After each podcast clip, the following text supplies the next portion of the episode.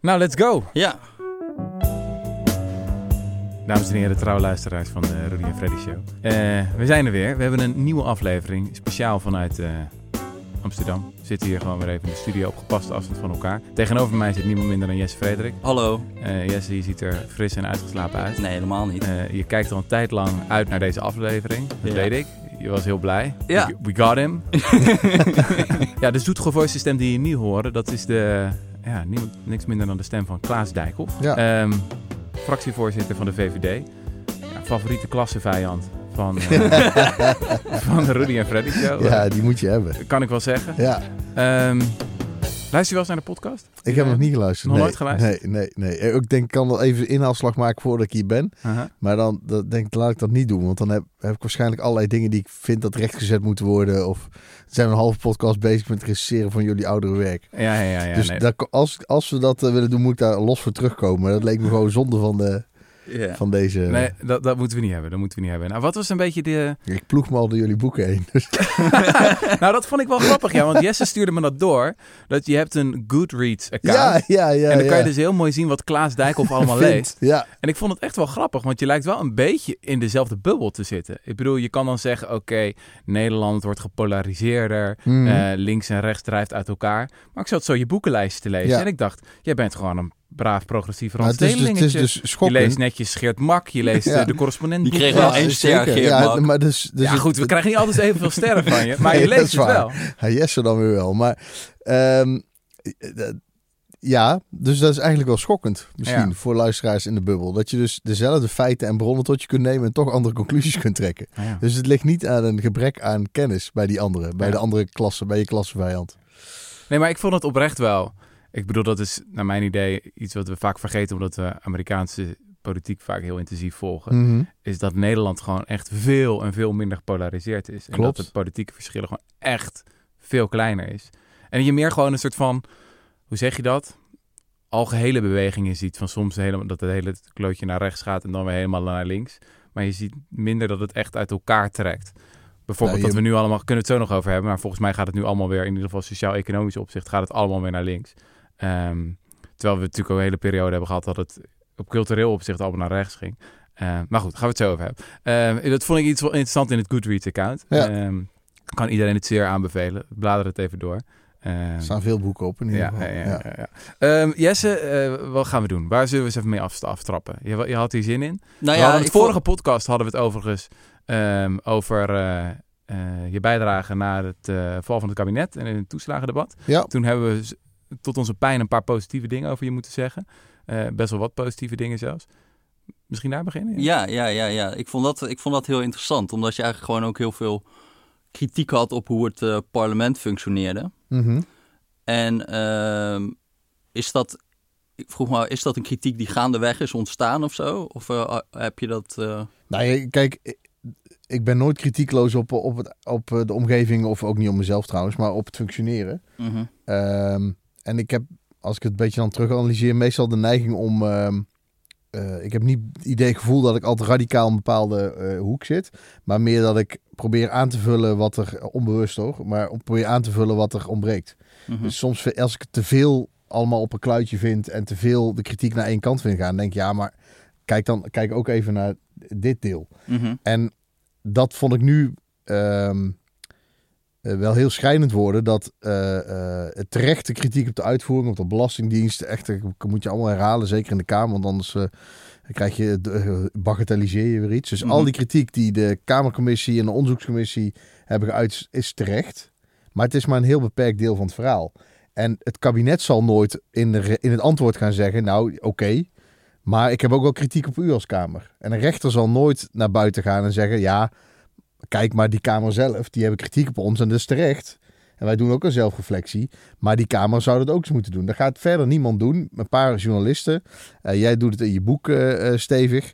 Nou, een paar wetenschappers. Mhm. Maar ja, uiteindelijk bepaalt de Kamer, is, is ja, judge, jury en ex- executioner van zichzelf. Mhm. Dus als daar niemand gaat zeggen om, om kritiek te hebben. Nou, in de Kamer heb je natuurlijk wel heel veel kritiek op Kamerleden, maar dan vaak op elkaar.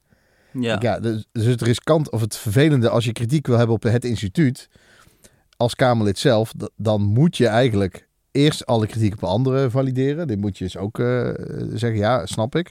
Vervolgens moet je heel veel zelfkritiek hebben, ook op de rol van je eigen partij daarbinnen. Omdat je anders weer de indruk wekt eh, het bij andere partijen te Hm. leggen. Ehm, Je maakt het op een gegeven moment best wel scherp in het debat. Dan zeg je van misschien moeten we één dag in de week alle media heisa dingetjes bespreken. Ja.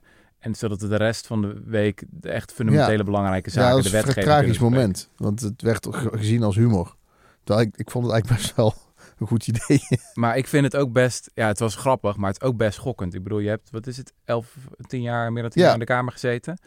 En dat dan de conclusie is na tien jaar, of in ieder geval de analyse is, we hebben het een heel groot deel van de week over ja, maar media heisa, incidenten, trivia. Mhm. En ik heb zo weinig van mijn tijd kunnen besteden aan de dingen die echt belangrijk zijn. Aan Nou, ik, heb, ik heb zelf wel altijd... Het is niet dat ik dan na tien jaar terugkijk en denk... Shit, dit, dit, dit is mijn conclusie. Nee. Eh, we hebben in die, ook als partij in die jaren... We hebben een aantal jaren heel fanatiek... eh, zo weinig mogelijk moties ingediend. Zo weinig mogelijk moties gesteund. Zo weinig mogelijk de spoeddebatten aangevraagd. Zo weinig mogelijk heisa gedaan. Dat leverde één keer per jaar ergens op pagina 8 eh, van een krant een, een, een artikel op wat wij heel fijn vonden. Namelijk, eh, eh, wat opvallend, die partij dient weinig moties in, is niet bezig met dat, met dat effectbejag. Eén keer per jaar, op pagina 8 ergens, hadden we iets waarvan we zeiden, ik zie je wel, het wordt gewaardeerd. Hm. Het wordt gezien.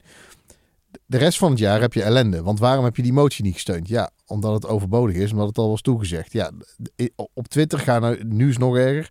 Elke week gaan er van die, die, die screenshots met rode en groene bolletjes langs. En dan kun je dus verantwoorden waarom je niet de motie hebt gesteund. En er staat alleen de titel van die motie. Dus je kunt gewoon een motie indienen eh, eh, ter bevordering van het geluk van elke Nederlander. En ja, waarom zou je daar tegen zijn? Nou, omdat er misschien in die labtekst iets raar staat. Of omdat eh, bijvoorbeeld ik zelf een, heel betoog heb gehouden daarover. De minister heeft gezegd, nou vind ik een goed idee, ga ik mee aan de slag. En dan de Kamerlid dat helemaal niet bij het debat was, denkt, oh daar schrijf ik een motie over. Hm. Een beetje betere jatwerk. Dus dat, dat, dat werkte niet parlementair. We kregen daar niet het goede voorbeeld tonen, leidde niet tot eh, navolging. Eh, wel tot een hoop eh, nadelen. Nou, één keer in de zoveel tijd probeert het parlement met zelfreflectie wel te kijken van... moeten we niet de drempel verhogen voor het aanvragen van een debat? Ja, dan gaat de oppositie meteen roepen, we worden monddood gemaakt... want we mogen niet meer een spoeddebat aanvragen met z'n dertigen. Nou, dat heet nu 30 leden debat en spoed is er ook niet. Het duurt, het duurt een jaar voordat je aan de beurt bent. Hm. Ehm, we hebben wel eens ook gedacht, dat we niet uitgevoerd hoor. Als wij nou gewoon begin van het jaar over elk wisselwasje een debat aanvragen... en dan staat die lijst vol... Nou, dan krijg je nooit meer een spoeddebat erbij. Zo werkt het wel. Doen we niet, maar zo kun je het laten werken. Hm. Zelf heb ik wel eens eh, heb ik wel gedacht, ik, waar wil ik mijn eh, accenten leggen? En reserveer ik ook tijd om, om langer na te denken en, en ehm, ja, meer erop in te zoomen. Maar dat, die positie heb je, moet je wel verwerven. Hm. Als je net in de Kamer zit, kun je dat ook doen. Dan moet je dat gewoon goed afspreken binnen je partij. Dat je dat, dat jouw ding is. Dat je niet afgerekend wordt op een aantal keer Telegraaf voorpagina. Hm. Ik vond het een sterk moment ook in het debat. Volgens mij was dat een interactie met Lilian Marijnissen. Eh, die zei, oh nou, ik vind het veelzeggend om zo te horen dat dit binnen de VVD-fractie zo gaat. Dat jullie inderdaad zo incidentgedreven zijn, maar wij, ja, wij, voor ons geldt dat natuurlijk niet. En toen moest je erg lachen. Ja, En ik vond dat zelf ook wel een grappig moment, want inderdaad, dat is natuurlijk onzin. Ik bedoel, iedere eh, fractie probeert uiteindelijk natuurlijk te scoren en media-aandacht te verwerven, zodat je ja, zichtbaar Ja. bent. Ehm, maar ik bedoel, dat geldt, dat geldt toch ook gewoon voor, voor jullie? Dat, was toch ook heel vaak een, een prikkel wat in, jou, in, in Ja, jouw tuurlijk. tijd als Kamerlid. Ja, tuurlijk. Maar er zijn, het is- je hebt ook gewoon eh, voorbeelden gehad dat, je, dat er een incident was, dat er een reactie gaf. En dat de journalist zei van, eh, ja, hier kan ik niks mee. Ik zei, maar dit is wat ik vind. Kan je een voorbeeld geven van wanneer dat gebeurt? Ja, even nadenken. Dat ze, ik, ik heb die voorbeeld, het is wel een paar jaar geleden, want de laatste jaren mag, mag ik alles zeggen, zeg maar. Dus dan, maar in het begin, eh, ja, dus ik wil het niet om arrogant te doen, maar als je fractievoorzitter bent van de grootste partij, dan, eh, en, je, en je zegt ja op een uitnodiging, gaan ze niet van tevoren doornemen wat je gaat zeggen. Dan, dan, dan mag je in principe inmiddels zeggen wat je vindt. De voorlichting. Nee, de redacties. Oh, de Het kan redactie. dan zijn Ja, dat ja, dan, dan zei oké, nou die komt en dan probeer je er wel iets van. En soms valt het ze achteraf tegen. Kan dan gehoopt dat je scherper zou zijn op die en die. Ja. Eh, maar goed, het is niet een blokkade meer. Maar in het begin is het wel van ja, wat ga je dan zeggen? Ben ben je dan. Ik neem aan dat je tegen dit plan bent. Ja, dat is nou, herkenbaar. Ja. Dat heb je eh, als schrijver ook. ja, je- precies. En, word je- en, als je dan niet getest zegt. of Ik je ga, leuk genoeg bent. ja, en ik ga het niet afserveren. En dan zeggen ze ja, dan bellen we iemand anders die wel tegen is. Ja. Nou, oké, dat kan. Ehm, dus dan krijg je natuurlijk wel een, een opwaartse druk. Of eh, die, nou, dan zeggen ze bijvoorbeeld, ja, het CDA wil zo ver gaan. Maar als jullie verder gaan, dan zetten we jullie quote erin. Dus die, Dat, ja. zijn, dat zijn politiek journalisten in Nederland. Ja, die dat gebeurt. Van, want, ja, kijk, van hun redactieoptiek. Die hebben gewoon een voorstel van een linkse partij bijvoorbeeld. Of er is een incident gebeurd. En die willen gewoon weten. eh, die willen bijvoorbeeld niet hebben dat zij openen met, eh, eh, nou ja, iets op volume 50. En dat dan de concurrent de andere partij heeft die er overheen gaat. Ja. Of ze bellen ook heel simpel. als jullie voor zijn, heeft het de meerderheid. Ja. We krijgen ook wel eens moties van de andere par- partijen via journalisten aangereikt. Die dan zeggen, ja, de Partij van de Arbeid gaat deze motie indienen. Ja. Die zijn, nou, die zijn dan niet bij ons langs geweest om steun. Ik denk, ja, daar zullen ze of nog niet aan toegekomen zijn, of ze willen niet dat we meetekenen. Ook al- alle respect, dat is geen enkel probleem. We kunnen altijd voorstemmen of tegen. Mhm. Ehm, maar dan, dan, ja, dan is het, nieuw, het nieuws is natuurlijk veel groter. Kamermeerderheid is voor Mhm. dan PvdA heeft plan. Hm. Eh, dus ja, dat, dat is wel een vast onderdeel eh, van, ja, van hoe het werkt eigenlijk. Ja, wat mij wel opvalt is als je dan... eh, ik, ik had zo'n rapport van 2009 of zo. En dan gaat het ook over parlementaire zelfreflectie. En eigenlijk zie je de hele tijd dezelfde dingen terugkomen. Ook in parlementaire enquêtes zijn het vaak precies dezelfde thema's. Ja. Wat komt er dan terug? Nou ja, incidentgedreven, meer aandacht voor uitvoering. Vandaag, we, we zitten hier nu in de podcast, komt weer een rapport over... eh, ja, Ja. de uitvoering wordt nu gepresenteerd. Er zal ongetwijfeld ook de conclusie zijn, meer aandacht voor uitvoering. Ja, even voor de leek, uitvoering van wetten door allerlei overheidsinstanties. Ja, ja. Sociale Verzekeringsbank, U, eh, ba- Bank, UWV, daar hebben we te weinig aandacht Belastingdienst, voor. ja. Dat er nog altijd vaak een behoorlijke kloof is tussen wat je op papier zet en wat het dan uiteindelijk Ja. wordt in de praktijk. Ja, Nee, nee, voor- bijvoorbeeld toen ik staatssecretaris was, ehm, ik, nou ja, we- delen boetes uit aan verkeersovertredingen. Gaat super automatisch. CIB in Leeuwarden, super strak geregeld. Ja. Heb je er eens wat over gezegd, geloof ik? Ja, eh, ja, nou ja, ja. dat, dat, nou, dat hoor ik dadelijk wel eh, wat ik allemaal fout ga zeggen nu. Ik ga het toch Nee, eerst zeggen. Ik ga niet maar eerst door, ja. vragen wat je Ja. vindt. Nou, mijn, mijn idee was, eh, mensen krijgen een boete. Ik vind dat je alle boetes moet betalen. Eh, ehm, maar daarna krijg je een verhoging. Nou, ik vind dat heel veel gevallen, vind ik dat terecht. Want er zijn gewoon mensen die boete niet betaald hebben, die hem hadden kunnen betalen. Die krijgen een verhoging als prikkel om hem te betalen. Werkt best, best oké voor heel veel mensen. Denk je, ah, of waarschuwing eerst nog. Denk je, oké, dat werkt. Je kunt gewoon zien hoeveel betalen meteen, hoeveel naar de eerste waarschuwing. Er zijn ook mensen bij die, ehm, die die envelop niet openen, omdat het geen zin heeft om te openen. Maakt niet uit hoe hoog je boete is. Als je geen geld hebt, ja, dat heeft gewoon geen, maakt niet uit. Eh, werkt niet. Kunt de boete verhogen. Ja, ik had geen geld. Een hogere boete kan ik ook niet betalen. Eh, uiteindelijk wil je een systeem waarin je daar rekening mee houdt. Ik ben niet voor inkomensafhankelijke boetes. Ik heb wel had wel eens een vraag uitgezet. Kunnen we het niet zo, zo regelen? Antwoord was eigenlijk nee. Nou, ik ging op werkbezoek en ik stelde die vraag daar gewoon aan iemand die achter zo'n computer zit en al die dingen doet. En, eh, en toen, zei ik, van, kan dat niet? En toen zei, was het antwoord weer nee, want het systeem kan dat niet zien.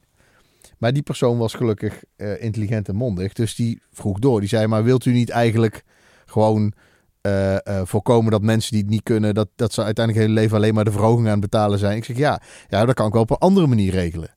Ik zeg, waarom wist ik dit niet? En die ging me toen uitleggen. Dus ik ging gewoon vragen stellen, wat zou jij nou doen?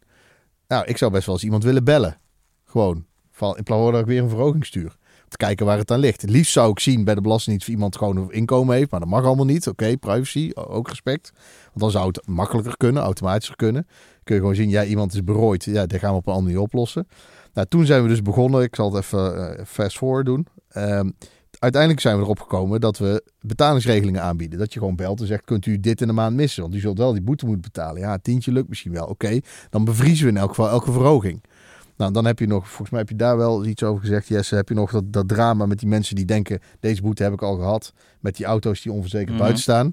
Terwijl voor het systeem is dat een nieuwe boete. Die mensen dachten, wat een, wat een eikel staan bij de overheid. Deze boete heb ik al betaald. ja. Dus betalen ze hem niet. Want je kunt elke dag een nieuwe boete krijgen voor die auto die onverzekerd buiten staat.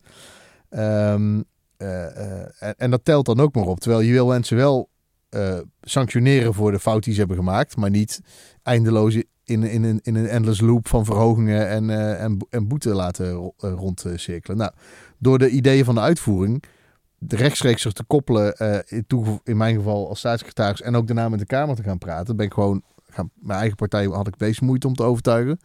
Van nee, mensen komen niet onder hun boetes uit. Nee, ze vervallen niet. We zorgen dat ze de boete betaald krijgen, maar niet de verhogingen. Nou, uiteindelijk is het gelukt. Eerst voor, vanaf hogere bedragen en inmiddels is het ook gelukt voor iedereen. Dus je kunt nu gewoon een betalingsregeling krijgen. Mhm. Dus een klein voorbeeld, maar het is niet alleen maar pessimistisch eh, zijn. Eh, je hoeft niet alleen pessimistisch te zijn als je die gesprekken maar concreet voert en niet alleen denkt ik wil het zo oplossen, op middel gedreven, maar gewoon wat is het doel? En dan de uitvoering vragen, hoe zouden jullie dit kunnen? Maar Nu- mag ik daar, want ik vond met die verkeersboetecasus ook wel fascinerend dat, er, dat het met die onverzekerde auto's, dat het zo lang heeft kunnen duren en zo lang heeft door kunnen zetten. Want je hebt daar dus op een gegeven moment dat de wet wordt gewijzigd, dan krijg je eerst een boete van 400 euro voor een onverzekerde auto. Ja, En dat wordt dan 300% erbovenop gegooid, gaat naar 1200 euro Ja. op een gegeven moment. En dat is ook, nou ja, dat is ook een beetje... hoeveel Kamerleden denk je dat die in de naaste omgeving iemand hebben met een onverzekerde auto? Nou, dat weet ik niet. Ik denk, niet- ik denk niet echt veel, want het heeft heel lang geduurd voordat dat doordrong. Ja, dus je, eh, je, moet wel, je moet eerst weten dat er een probleem is. Ja, Maar oké, er hierop, komt, het wat- komt wel in 2011 komt er dan een wet. Mhm. En daarin wordt eigenlijk in de blessuretijd wordt er in één keer ingefietst. Nee, Ja. we doen niet een verhoging van zeg 50%, maar 300%. Ja. Dat is ook overigens een beetje ingegeven door financiële overwegingen Ja. bij veiligheid en justitie. Maar ehm, ja, dan denk ik ook wel van ja, hoe kan dat nou dat zoiets passeert? Want het is wel een beetje Nou, absurd om het 300% er Het was, bovenop het was te gooien. geen vergoeilijking toen ik het je vroeg. Het was een poging om, om een verklaring te zoeken. Ja, ja, ja. Het beeld wat, men, wat je dan hebt. Sowieso kan het inderdaad zijn dat er ook nog eh, eh, bij de begrotingsbehandeling een wens was om, ik noem even een dwarsstraat, die komt namelijk ieder jaar terug. De, u- we hebben in Nederland de uitstapregeling voor mensen die, voor sekswerkers die willen stoppen met sekswerken. Daar hebben we een programma voor en dat wordt gesubsidieerd. En elk jaar is, zegt de minister, nou, moeten we dat nog wel doen? En elk jaar willen graag de christelijke partijen dat verlengen, kost een paar miljoen. ja. Nou, moet je ergens vandaan halen. Misschien heeft ze toen wel een slimmerik bedacht. Nou, als we de boetes nou verhogen op iets wat zo absurd is dat het echt wel heel dom is als je dat doet. Dat is dan het beeld. Ja, Je ja. weet toch of je auto verzekerd is. Je hoort het gewoon niet te doen. Of je hebt een garage, of je verzekert je auto, of je verkoopt hem. ja. Hoe moeilijk kan het zijn? Dus dan heb je een wereldbeeld van, nou, de mensen die dat zijn, dat overkomt je niet. Dus die kunnen we wel. eh, En hoe vaak komt dat nou helemaal voor? Verhoog die boete maar, want boekhoudkundig zegt financiën dan dat het genoeg oplevert om die. Ik noem even fictief voorbeeld. Ja. eh, of, of- ik, heb, kan niet, ik weet niet of dit toen gelinkt was, denk ik niet. Nee, maar- want het zat allemaal op eigen Omdat- begroting bij Veiligheid en Justitie. ja, Dus- precies, maar dit ja. ook. Oh, zo, oké. Ja, ja. Dat programma om die sekswerkers, dat uitstapprogramma, dat heet geloof ik de RUPS. Dat komt ieder jaar komt dat terug. Ehm, eh, maar goed, dat, dat, eh, dat, zo kan het dus werken. Even, om het even analytisch om het aan te geven hoe het kan werken. Het kan dus zijn dat de slimmerik bedenkt dat bij financiën geven ze daar zoveel voor. Dat is precies wat we nodig hebben. Eh, doe maar een amendement en dan, dan, dan, dan merken we wel of het een probleem wordt. Zo kan dat gebeuren, omdat er op dat moment een grote wens is, politiek, om iets anders eh, te betalen. Mhm. Ehm, die onderhandelen, inmiddels zitten die, die boetes. eh, toen ik daar bij justitie zat, hadden we inderdaad elk jaar een probleem. Dan zei de minister van Financiën, zei, ja, je hebt tekort. Je hebt te weinig boetes uitgedeeld. Ik zei, nou, boetes uitdelen doen we om gedrag te. Mhm. sanctioneren. Niet om geld op te halen. Mhm. Ja, dat kan wel wezen. Maar er stond zoveel geraamd, heb je niet gehaald. Dus waar ga je bezuinigen? Ja, je hebt de rechtsbijstand gaan bezuinigen, of op gevangenissen, of, eh, ja, of je moet gewoon meer boetes uitschrijven. Ja, we hadden afgesproken dat we geen targets meer zouden halen. Nee, dat hoeft ook niet. Want dan heb je een tekort. Nou, dan zit je in zo'n cirkeltje. Ja. Nou, dan had je af en toe mazzel. Dan eh Vimpelcom was een grote zaak. Zo'n zo'n Oekraïense telecom eh, die Ja. OM achteraan zat. Ja, dan wordt natuurlijk jarenlange rechtszaken met eh, onzekere uitkomsten. En tegen de tijd dat de straf opgelegd wordt, is het bedrijf eh, weg of het geld weg. Dus is er een, is er een eh, transactie gesloten voor honderden miljoenen. Ah, mooie begroting gered. ja, dat, Dat is wel best een- pervers. ja, dus inmiddels hebben we. is, valt dat bij financiën. Ja. Dat betekent ook dat ju- justitie ook niet meer zo'n meevaller heeft. Als er twee grote, grote vissen een, een schikking doen, dat, komt, dat is geen meevaller voor justitie meer. Maar Ja. zo hoort het ook te werken. Dus Hm. inmiddels hebben we dat dus hebben die, dat veranderd, Mhm. dat systeem.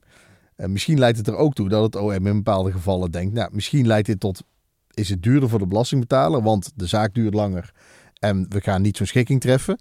Ehm, eh, en financieel worden we misschien, hè, belasting, eh, technisch, belastingbetaler moet, is, eh, is er slechter bij af. Maar het geeft wel een groot gevoel van rechtvaardigheid als we ook eens een veroordeling hebben van een bestuurder van een groot bedrijf die gewoon de zaak hebben getild. Mhm. Anders heb je, heb je een, een, een perverse prikkel voor een transactie. Ja, ja, ja.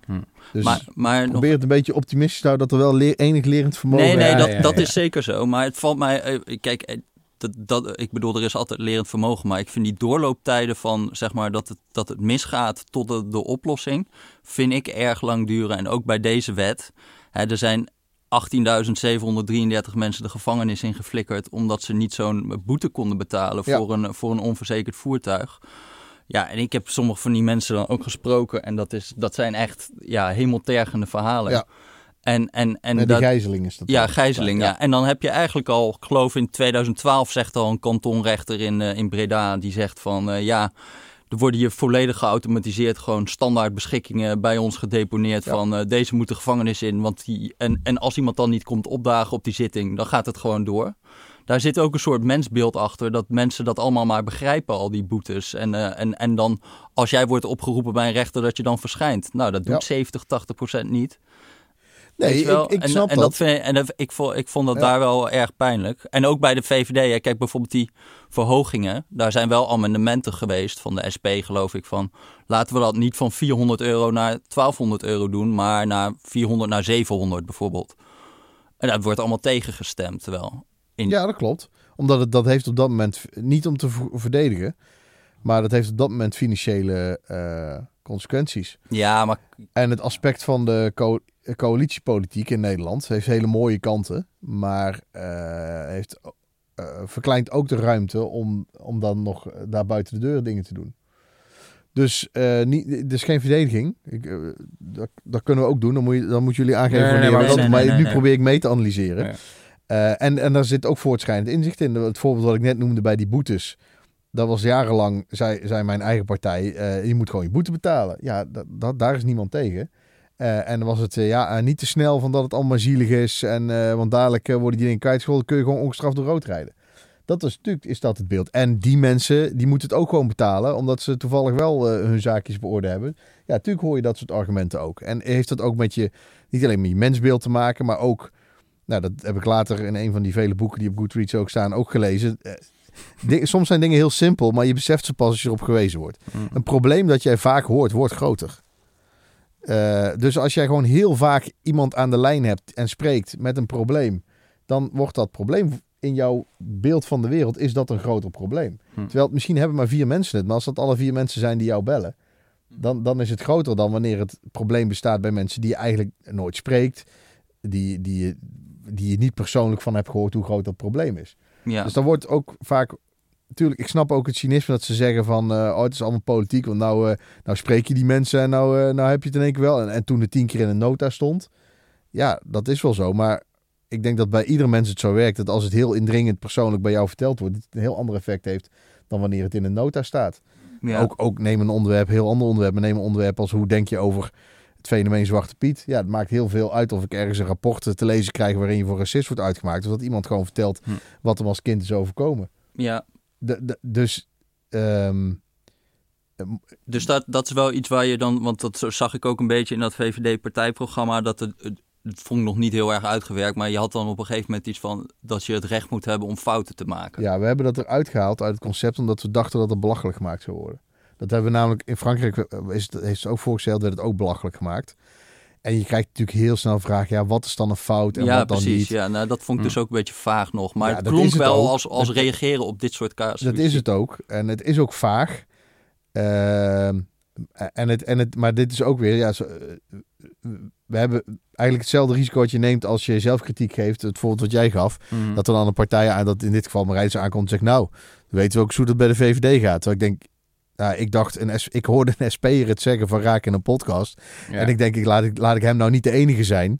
Ik, hij heeft gewoon gelijk. Eh, eh, het is ook mijn verantwoordelijkheid om aan te geven dat ik dat herken. En dat het ook bij ons Ja. iets is. En het, eh, om te voorkomen, want je kunt gewoon hebben, tien mensen in een kamer kunnen alle tien van zichzelf denken, we moeten het anders doen. Maar ja, ik ben de enige die er zo over denkt. Ja. En dat, je kunt een situatie hebben dat alle tien dat denken en ook denken dat ze de enige zijn. Dus dan moet je het een keer uit gaan spreken en kijken of het dan anderen Ja. eh, ook verleidt om maar maar bijvoorbeeld dat recht om een fout te maken. Hè? Ja. Als, om dat een beetje concreet te maken. Ik denk dan bijvoorbeeld aan iets als de schuldsanering heel snel. Mhm. dat, dat dat toch ook wel. Nu is dat een vrij lang en bureaucratisch traject voordat je daar doorheen bent. Mhm. Zou je daar niet, zou je daar niet een beetje moeten zoeken dat mensen ook makkelijker dan van hun, van hun schulden kunnen af kunnen? Eh, ja, eh, maar dat, maar dat, dat van, van je schuld af kunnen. eh, ja, dat, dat is wel heel makkelijk gezegd en heel complex. En nou merk ik meteen dat ik weer in de reflex schiet. Ja, maar welk, nee, welk tweede orde effect heeft dat dan? Mhm. Wat lokt het uit bij mensen? eh, veel me- oh, schulden overkomen je doorgaans. Eh, en ehm, eh, waar, je- waar je volgens mij snel uit af moet kunnen, is dat, dat, dat het al heel je leven beheerst. Ja. Dus dat je, een, dat je een soort van dat je een soort stopknop hebt, dat die schuldsanering wel begint met oké, je kunt weer gaan opbouwen. Mhm. Eh, maar ik heb eh, ook in mijn naaste omgeving eh, gezien dat iemand zei, gewoon de baan opgaf. Omdat die persoon, nou, het was een heel mooi traject, goede baan, auto van de zaak, telefoon van de zaak. Ja, en wel schulden, dus je houdt een deel van je salaris over. Mhm. Maar wel ook een auto en telefoon en een, een salaris. Ik denk dat het dan op net iets boven bijstandniveau blijft. Ja, de rest moet je betalen. Ja. Die is gewoon baan opgezegd. Ja, ik ga niet werken voor, voor de fiscus. Ja. Ik ga, ja, nou, wat moet ik dan? Dan ben ik drie jaar bezig mijn schulden af te lossen. Ja, zoek het maar uit. Maar, maar kijk, dat is natuurlijk wel een beetje hoe die WSMP nu ook werkt. Hè? Want, eh, of De de, wetschuldsanering natuurlijke personen, sorry. Mhm. Maar daar, daar zit een enorm armoedeval karakter in. Want je moet dus drie jaar lang... Moet Wat je is de armoedeval? Nou ja, dat als je meer gaat werken, dat het niks oplevert. Mhm. Kijk, eh, gem- gemiddeld komt er bij de WSMP geloof ik nog maar 20% van het geld terug. Dus dan ben je drie jaar lang maximaal aan het aflossen. Ja. En de schuldeisers schieten daar eigenlijk de facto niet heel erg veel mee op. Want ze krijgen toch dat geld niet terug bij de meeste mensen. En, en lang niet. Lang, nee, Ja. Gewoon lang niet. Ja, Ja. oké. Nou ja, dan, dan vraag ik me af, waarom, is dat dan, waarom duurt dat dan drie jaar? Want mensen hebben dus geen enkele prikkel meer als ze bijvoorbeeld in de bijstand zitten om extra te gaan werken. Want alles wat ze extra verdienen gaat naar hun Geen schuld. economische prikkel. Nee, maar dat bedoel ik dus. Het is puur punitief. Geworden. het is een Nou, ja, soort moreel, het is een, dus een Ja, Calvinistisch moreel. een en dan denk ik, dan zie ik hier een Ja. zakelijke jongen zitten als Klaas Dijkhoff van de Liberalen. Ja. Dan denk ik, als je zakelijk met schulden omgaat, hè, dat doen we ook bij bedrijven te- inmiddels. Hè, dus die nieuwe, nieuwe wet gekomen, dan doen, kijk je zakelijk naar wat Ja. kan mensen nou nog aflossen. Maar als diezelfde ondernemer over drie jaar weer voor die rechter staat met hetzelfde verhaal, gaat de rechter het niet nog een keer doen. Nee, dat vind ik prima. Omdat dus je dus je zegt, het, laten we het één keer in de tien jaar iemand het recht geven om, om heel makkelijk van zijn schulden af te komen. Je gaat naar de rechter en Ja. je, wordt, je krijgt Maar- gelijk of één jaar een traject of je doet het gelijk. In Amerika doen ze dat ook beter, toch? In Amerika is het gewoon, je gaat naar de rechter, geeft een lijst van je bezittingen Mhm. en dan wordt dat verkocht. Mhm. En dan ben je schuldvrij voor, en dan mag je niet eh, binnen ja, een termijn van failliet. Dat Ja. is eigenlijk hun belangrijkste vorm van sociale zekerheid. Het Ja, voor, voor, eh, en, dat, en dat is eigenlijk, eh, eh, zeg maar, we zijn ja, nu... maar, maar daar zit natuurlijk bij hen wel aan gekoppeld dat je de dag daarna wel een groot probleem hebt. En hier in Nederland heb je natuurlijk het, het aspect dat je de dag daarna, even uitgaande van dat je geen werk hebt, natuurlijk wel recht hebt op sociale voorzieningen. En dat er dan ook schuldeisers zijn die zeggen, oké, nou is alles geschrapt en er is wel meteen een uitkering. In Amerika is alles geschrapt en is er de dag daarna geen, ja misschien een paar voedselbonnen, maar het is geen uitkering. Dus ik... ik Maar ik- wat vind jij belangrijk de- aan dat soort van dat punitieve karakter van de schuldsanering? Want, want we constateren dat het er zit- zakelijk er niet echt een, een grond Er zit heeft. een element van rechtvaardigheid eh, in. maar waarom bij je- bedrijven niet bijvoorbeeld? Ook. Nee, daar zit geen punitief, niet zo'n, daar zijn we zelfs nu die wet homologatieakkoord eh, die er net doorheen is gekomen. Dat, dat is juist heel erg dat we zakelijk gaan kijken wat kan een bedrijf nog betalen. En, dat, en, en dan gaan we ze afschrijven, al die schulden. Ja. En nou, dat, dat doen we bij natuurlijke personen niet, maar bij bedrijven Dat doe je wel. uiteindelijk na, alleen we doen het na drie jaar, is je kritiek. Ja, je maar het dat wel. is, het, is heel erg, het is heel erg vingertje moreel. Je moet wel een beetje kunnen bloeden. En, Het ligt, het ligt eraan. eh, ik weet niet. Ik, ik ben niet mee eens dat het vingertje moreel en bloeden en eh, alsof het een soort zelfstraf is. Bedoel, je, je, hebt, je, hebt ook, je hebt er ook vruchten voor geplukt. Het is niet zo dat je in de schuld zit en, en niks hebt. Je hebt. Die schulden zijn ergens door ontstaan. ja, En dan vind ik wel dat, je, dat er meer ruimte moet kunnen zijn om te beoordelen hoe dat is gekomen. Is het een opeenstapeling van eh, pech? Vind ik het anders dan wanneer eh, het een, een groot bestedingspatroon is. Eh, en, en een beetje de, los van wat die, wat die bedrijven er anders mee om moeten gaan. Maar koop op afbetaling en eh, niet opgeven van inkomsten en dat soort zaken. Dan vind ik het, ik vind dat er, dat er wel een moreel oordeel moet kunnen zijn over wat iemand gedaan heeft, hoe die in de schuld is gekomen. En in de gevallen dat het echt de stakker is met een opeenstapeling van pech en eh, ingewikkelde, dat, dat je als die op, dat, op het goede moment een bepaald formulier had ingevuld, Mhm. dat het dan allemaal goed was gekomen. Zo heb ik eerlijk gezegd bij asielzaken ook vaak gekeken. En er waren mensen die moesten, er, eh, moesten het land uit. Maar als ze op, als ze op tijd de, de pleegouders naturalisatie hadden aangevraagd, dan was er allemaal geen probleem geweest. Ja, vind, ik- dat vond ik dan een ander verhaal worden. Maar Dus- dat, wet- dat zit al in de wet. Je hebt een, gewoon een ter kwade trouwcriterium en dan kom je Ja. überhaupt de schuldsanering niet in. Dus Nee, je kan, je kan zeggen als je te dat goede dat, trouw dat bent. is ook, ja, maar daar zit natuurlijk wel wat tussen, tussen nog. In wat er in de in mensen die in de schuldsanering zitten, daar zit natuurlijk wel nog een laagje tussen. Niet per se ter kwade trouw, maar dat je wel denkt, ja, hier is wel dit gedrag moet, moet je, je wil in de samenleving ook niet bepaald gedrag heel makkelijk zeggen, oké, nou ja, weet je, we schrappen het wel. Maar maar waarom dat- doen we dat bij dat- bedrijven dan wel? Want bij bedrijven hebben we helemaal niet zo'n moeilijke toets. En we- weet ik veel of iemand moreel het allemaal wel juist heeft gedaan als ondernemer. Volgens mij ook, omdat je die, je kunt heel snel beslag leggen op zaken. En als je als bestuurder zelf fout hebt gemaakt, kun je ook de persoonlijke ja, dat is, aansprakelijkheid dat is van de bestuurder natuurlijk behoorlijk. Ja, Ja, maar- anyway, je, je, ziet, je ziet denk ik toch wel dat er een beetje een verschil is tussen hoe we nu met natuurlijke personen omgaan en bedrijven. In het faillissementsrecht, dat is volgens mij niet controversieel of zo. Dat, is, dat kan elke faillissementsrechter je uitleggen. Nou, dat moet hij dan maar doen. Oké. Want ja, ik, ik, ik vond het. Ik, ik ben ook niet tegen verandering in de schuldsanering. En Mhm. ook daar hebben we, zijn- de afgelopen jaren ja, heel cliché stappen gezet. ja. Alleen ik, ik ga niet meteen het aspect overboord zetten dat als je eenmaal in de schulden bent gekomen, ehm, eh, dat dat altijd alleen maar pech zou zijn. Of dat daar geen moreel Nee, nee, nee, component maar aan dat- zit. daar Dus zijn we het het is wel heel. Nederlands Ja. dat het woord schuld ook altijd automatisch die morele component in zich heeft. Het is je schuld en je hebt een schuld. Dus in, in, in andere taalgebieden heb je gewoon twee woorden voor het feit dat je, nou, eh, dat mensen geld van je te goed Mhm. hebben of dat het je schuld is. Mhm.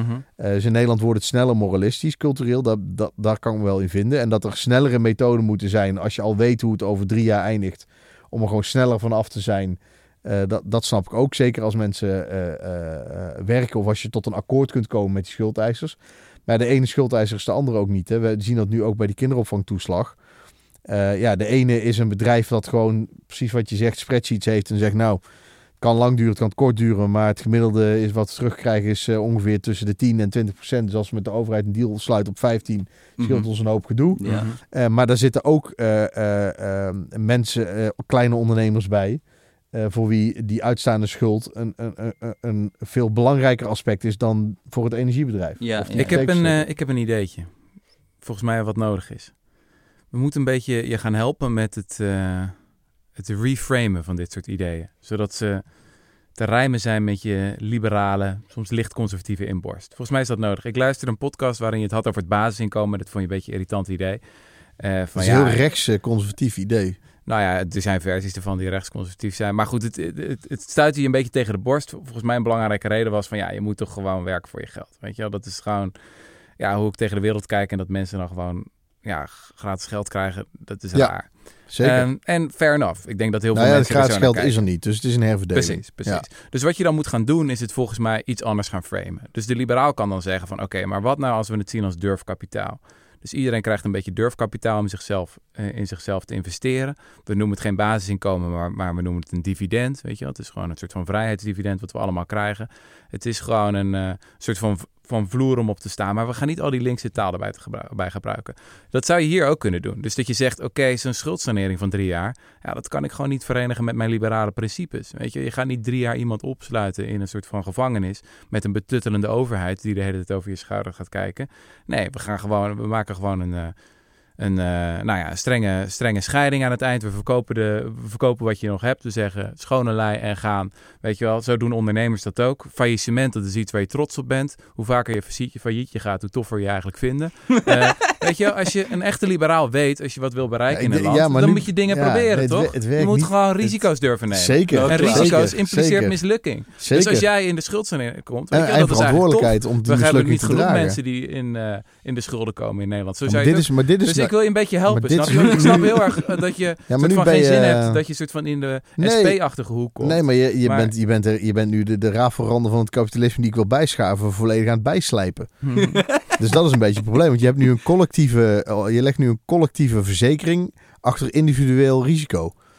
Eh, en dus de verantwoordelijkheid voor het falen wentel je af op het collectief. Dat vind ik, dat is nou het grote probleem met al die grote bedrijven en banken die dat de afgelopen jaren eh, Mhm. in, de, in de foute hoeken van het kapitalisme hebben kunnen doen. Veel risico's nemen als het fout ging aankloppen bij de belastingbetaler. Ja, nee, maar ik, ik ben dus daar moesten we juist Nee, vanaf. maar ik weet, kijk, ik Dus weet ik waar ben je nou net van wil, die- zeg ik ben nou net ik van die frames af. om de juiste taal. ja, Ik, ik, ben, ga een ander voorbeeld. ja, ik, ander ben van die, voorbeeld. ik was net van die frames af. Dit, dit Ik heb een brief- veel te neoliberaal. Ik heb een brief ben. gekregen. Ik heb een brief gekregen van, eh, van onze premier, Mark Rutte. We hebben die allemaal gekregen. Oh, Oké, Eh, vvd.nl slash samen, kan je hem lezen. En ehm. Ik vond het een geweldige brief. Ik heb er zeer van genoten. Ehm, ik vond het ook fascinerend. Ik denk dat als jij hem had gelezen tien jaar geleden, dat je had gedacht van...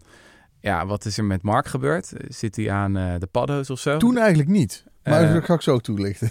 Maar ik, ik, ik noem even wat elementen die naar voren komen in die brief. Eh, VVD wil minimumloon omhoog. De VVD wil het eigen risico in de zorg bevriezen. VVD wil recht hebben om een keer een fout te maken, hebben we het over gehad. VVD wil maatregelen tegen belastingontwijking en ontduiking. VVD wil, en dit vond ik de mooiste, niet bezuinigen, maar uit de crisis groeien door te investeren. Zeker.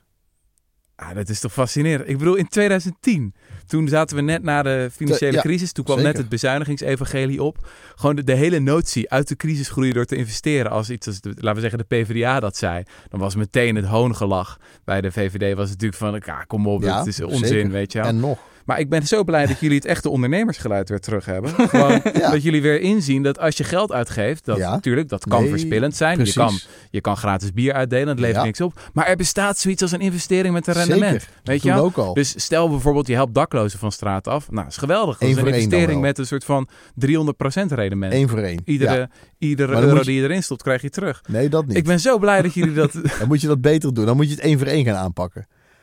Dat, dat is wel zo. Als je, als je, alleen, wij, probleem in Nederland, wij smeren het uit. Dus we hebben dan daklozenbeleid waarbij je iedereen niet laat creperen. Mhm. Maar dat, dat, is, dat helpt niet. Als je één voor één echt, echt getarget iemand aanpakt en zegt we hebben nu...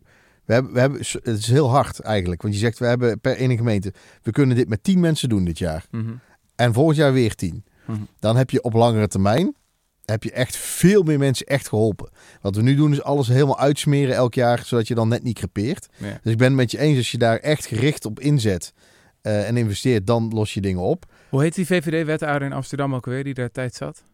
Ik ben hem even Van kwijt. de Burg, Wiebes. Eh, ik ga het opzoeken. Eh, in de show notes. In ieder geval, ehm, dat vond ik altijd interessant. Dat in dat, in dat debat eh, waren het vaak VVD'ers die zeiden van... jongens, laten we... In, trouwens, midden in de crisis, die zeiden van... laten we niet bezuinigen op daklozenopvang. Ja. Want wij hebben straks veel hogere kosten op zorg, politie, justitie. Mhm. Eh, je verplaatst die pro- problemen. Ja. En dat is zo'n voorbeeld van sociaal beleid met een rendement. Zo moet je de basisinkomen wat mij betreft trouwens ook zien. Dat er Mhm. heel veel bewijs is dat als je mensen uit de armoede trekt... dat je gewoon... Armoede is een enorme verspilling van geld. Dat kunnen wij helemaal niet Ja. dat kunnen we helemaal niet betalen als land. Dat zijn al, dat is allemaal potentieel talent. Het zijn allemaal mensen die nuttig werk Ja, kunnen ik- doen. En die laat je nu verpieteren. Of je sluit ze drie jaar op in de schuldsanering. Kom Ik op. zou ze heel graag nuttig werk Dus- laten doen. Dus, maar eh, kan je even daarop reflecteren? Ja, op, die, zeker. op die verschuiving die er plaatsvindt. Zeker. En ik, ik, en ik wil daarbij ook echt zeggen dat ik... Ja, ik, ik heb ook Ik heb ook een heel boek voor... over geschreven. Ja, zeker, zeker, zeker. podcast te kort zijn. Nou niet ja, alleen jullie boeken zijn te koop. ik snap ook dat het een soort van zoeken is naar Ze een, verkopen wel beter die een nieuwe taal. Want je wil, het, je wil zeg maar die ideeën niet verkondigen in de standaard, op de standaard linkse betuttende manier van oh mensen zijn zielig en we gaan ze helpen, bla bla bla. Dus Ik je heb- wil daar een beetje je eigen nuchtere Klaas Dijkhoff nee, taal bij nee, het hebben. valt allemaal wel mee. Ik, ik heb namelijk ook, ook bij, eh, bij de gesprekken die ik voor het boek heb gevoerd, ben ik juist, eh, heb ik gewoon even scheid gehad aan al die frames. Omdat het, dan moet ik namelijk gaan bevechten op een terrein waar ik mezelf niet in herken. Mhm. Met karikaturen van mijn partij en mijn gedachtegoed. Waar ik van altijd van denk, over wie hebben die mensen het? Die linkse mensen. Ik, ik ben het in ieder geval niet. Oh, je bedoelt wel mij. Nou, zoek het lekker uit. Mhm. En als ik dan een goed gesprek had met mensen, ook in de gemeenteraadspolitiek altijd, dan was de conclusie, je bent eigenlijk helemaal niet rechts. Ik denk, nou, ik ben net zo rechts als in het begin van het gesprek, alleen mijn ideeën kloppen kennelijk niet met jouw vooroordelen. Prima. Ehm, eh, kijk, het vooroordeel is vaak, wordt vaak dan, dan, dan ook hele actuele rolmodellen komen er altijd bij. Dan komt de VVD is, is liberaal, slash conservatief, neoliberaal, ook dat is een scheldwoord op zich, maar oké. Eh, en dat is allemaal terug te voeren en dan krijgen we Thatcher en Reagan. Mhm. Dat, dat, dus dat zijn zeg maar de, de rolmodellen. Eh, nou was Reagan een geweldige communicator. Ehm, eh, en wa- was in hun tijdsgeest had je te maken met een enorm grote overheid. Dat hebben we in Nederland ook gehad.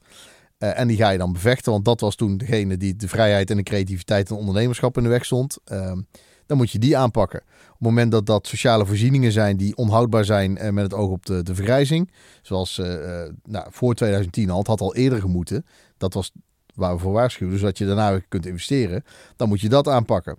Maar het, het houdt natuurlijk wel een keer op. Het is niet dat als, als je in een bepaald moment in tijd zegt de overheid is te groot, dat betekent niet dat die steeds maar kleiner moet worden. Als je, en dat betekent dus ook dat je kiezers verliest. Hè. Een ander hard voorbeeld. 2010 strenger straffen. Inmiddels zijn Nederlandse straffen zijn, uh, boven het Europees gemiddelde. Mhm. Ik vind dat onze straffen, een paar, paar, kleine dingen nog, maar ik zou niet meer in brede zin zeggen, we straffen te soft, we moeten strenger. Nou, een deel van de kiezers zegt, nou, jullie hebben daar best wel stappen gemaakt, vind ik goed. Deel van de kiezers zegt, nee, ik wil altijd strenger straffen. Maakt me niet uit hoe streng het is, het interesseert me ook niet, ik weet het ook niet. Maar ik vind gewoon strenger straffen fijn. Nou, die kiezers raak je kwijt. Dus uh, als je op een gegeven moment dingen hebt bereikt, of dingen niet hebt bereikt, of de, de wereld verandert, moet je dat ook aanpassen. Je kunt niet maar blijven een overheid blijven verkleinen. We leven niet meer in de tijd van Thatcher en Reken. Dingen schieten altijd door. Dat is altijd de tragiek van uh, een beweging die je goed vindt. Hè, mensen die, uh, nou, weet je, je, privé is het ook vaak zo. Dan heb je iets nieuws en dan denk je, dat is goed voor me als ik dat ga doen. Mhm. Mm -hmm. Nou, soms schiet je erin door, moet je het weer corrigeren. Je hebt het helaas meestal pas door als het als de symptomen ervan van het doorschieten zich manifesteren. Dus Mhm. je had dan liever, als je terugkijkt in de tijd, misschien eerder ingegrepen. Eerder uh, minder bezuinigd of in meer geïnvesteerd in uitvoeringsorganisaties. Uh, maar ja, de boel moet wel gezond en op orde zijn daarvoor. Mhm. En dat heb je wel moeten doen. Uh, het was niet een luxe keuze toen we gingen bezuinigen. Mhm. De, de linkse partijen, ik snap het wel, ook, ook omdat het natuurlijk tien jaar lang de grootste zijn, wordt het allemaal opgehangen aan Rutte. En de PvdA wordt er ook niet graag aan herinnerd. Maar heel veel bezuinigingen, het fenomeen dat we moesten bezuinigen met de PvdA samen, dat, dat was niet de discussie. De discussie was waarop en hoe. Ja, nou, er was wel een discussie, maar in ieder geval politiek gezien dacht op een gegeven moment zelfs de SP dacht van, uh, we moeten Nou ja, bezuinigen. Ja, het, was, het was natuurlijk niet waar op dat moment. En ook toen waren er een heleboel economen die zeiden, of althans verstandige mensen die zeiden, hou hiermee op. Op een gegeven moment Ja. zei zelfs het IMF, hou hiermee ik, op. Ik, ik denk, ik, nou, het IMF op een gegeven moment zeiden ze, hou hiermee op. Maar ze, nu ook wel maar ze zeiden, ja, nu wel. Maar, maar hou hiermee op, iets anders dan begin er niet aan. Nee, maar toen Dus was, is wel, wel- de, toen was de politieke... Maar dat is eh, interessant dat heel Nederland is veranderd eigenlijk. Dus in die zin gaat het niet zozeer om verschillen tussen partijen of zo. Of wie doet het goed in de peilingen. Het is, gewoon- ik vind het gewoon fascinerend dat je nu een, een brief kan krijgen van de premier die Ja. zegt...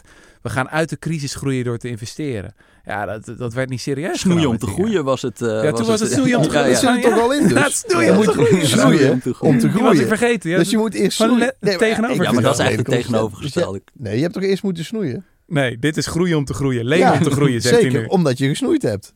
ja. Je- de IMF heeft toch nooit kan je gezegd... alles ronddraaien. Nee, het, ja, sowieso, dat is mijn vak. Maar het, IMF heeft toch nooit, heeft op een gegeven moment gezegd: nu, nu moeten jullie gaan investeren. Maar ze hebben niet gezegd: je had niet de pensioenen moeten hervormen, je had niet dit moeten doen. Er werd eerst gezegd: jullie hebben structurele problemen in je economie. Je hebt echt economische problemen die verhinderen te groeien. Nu, hebben we, eh, nu zeg je: ja, je hebt een pandemie. Dat is geen probleem in je economie. Mhm. Ehm, eh, en nu zie je dat je ook op bepaalde terreinen dreigt, eh, innovatieterreinen, waar, waar we over een paar generaties geld mee moeten verdienen, dat je dreigt het te verliezen. Dat ga je niet redden door alleen maar tegen bedrijven te zeggen: Goh, die briljante ontwikkelingen, kom dat alsjeblieft hier doen. Je redt het ook niet in wereldwijd. Daar hebben we tijd, tijd lang werkte dat nog. Door te zeggen: als je het nou eens hier komt doen, bieden we al deze fiscale voordelen. Dus je moet ook eh, daarin investeren om te zorgen dat je op, op onze waarden en op onze, eh, liefst ook in onze economie en voor onze mensen banen eh, scheppend, bepaalde ontwikkelingen in artificial intelligence of dat soort zaken plaats laat vinden. Ehm, kijk, het is een beetje alsof je, ja, nou, maar ik weet dat ik nu, maar ik ga er toch tegen in, alsof je tegen die tuinman zit, ja, nou ben je bomen aan het planten. Je hebt ze vorige week nog gekapt. Ja, ik weet, doorhout is inmiddels een besmette term in de corona, hè, pa- pa- maar in de tuin werkt het wel zo. Hm. En natuurlijk schieten dingen dan altijd even door en worden het karikaturen en wordt het uitvergroot. We hebben een coalitiepolitiek. Eh, we hebben superveel partijen, dus je moet echt elk verschil wat je kunt vinden, moet je uitvergroten eh, om, om, om, om aandacht te krijgen en om de kiezers duidelijk te maken eh, dat de een de ander niet is. Ehm, eh, maar ik vind wel een verschil in. eh, eh, en natuurlijk zijn, is er wel een verschuiving. Ik zeg niet dat het hetzelfde eh, beleid is. Maar er is ook een aspect dat er, dat er dingen in volgorde gaan. En dat er dingen eerst moeten gebeuren voordat je het andere kunt doen. En dat is bij ons in een partij wel vaak de frustratie geweest. Dat we groot werden gestemd en aan de bak mochten op het moment dat er shit was. En nooit de kans kregen op het moment dat het weer de zon ging schijnen om te laten zien dat we ook konden opbouwen. Want dan werd er weer meer gestemd op andere op linkse partijen. En die dan in, meer in een hoogconjunctuur zaten. In paars hebben we dat, die kans wel gehad. Die hebben we niet echt goed benut. Maar het is nu toch niet dat de staatsschuld en zo er heel anders voor staan dan in 2009 of 2010. Om de tekorten ook niet. Maar nee, goed, maar de, de oorzaak van de tekorten zijn wel heel anders. En de vraag is, liggen die structureel in je economie? Of hebben we een economie die eigenlijk best goed loopt en onderliggend goed kan lopen. Alleen we hebben een of ander verschrikkelijk virus met maatregelen om die te counteren die de economie hard Ja, schaden. goed, Ja. deze discussie duurt eindeloos. En maar mag ik, mag ik nog iets vragen? Want Ru- Rutger probeerde net ook even Ja. op te roepen van eh, investeringen eigenlijk in het sociaal domein. Dat je eigenlijk grondoorzaken van een heleboel ellende probeert weg te nemen bij mensen. Mhm. Dingen als dakloosheid, daar weten we van. Dat levert natuurlijk ook heel veel, nou ja, ellende op eh, door politie-inzet en door Mhm. criminaliteit en, en dergelijke. Mhm. Ik heb, eh, nou ja, met die verkeersboetes is een goed voorbeeld. Wat ik vaak, ook heel vaak, als ik dan die mensen sprak, ja, die zijn dan de gevangenis in geflikkerd. En ja, die, die hebben dan wel, weet ik veel, gigantische GGZ-kosten maken die. Ja, wat ook best wel logisch is, want ja, je, je hebt schulden die niet saneerbaar zijn en je bent de gevangenis ingegooid. En Ja. dan niet helemaal oorzakelijkheid, maar heel vaak is dat...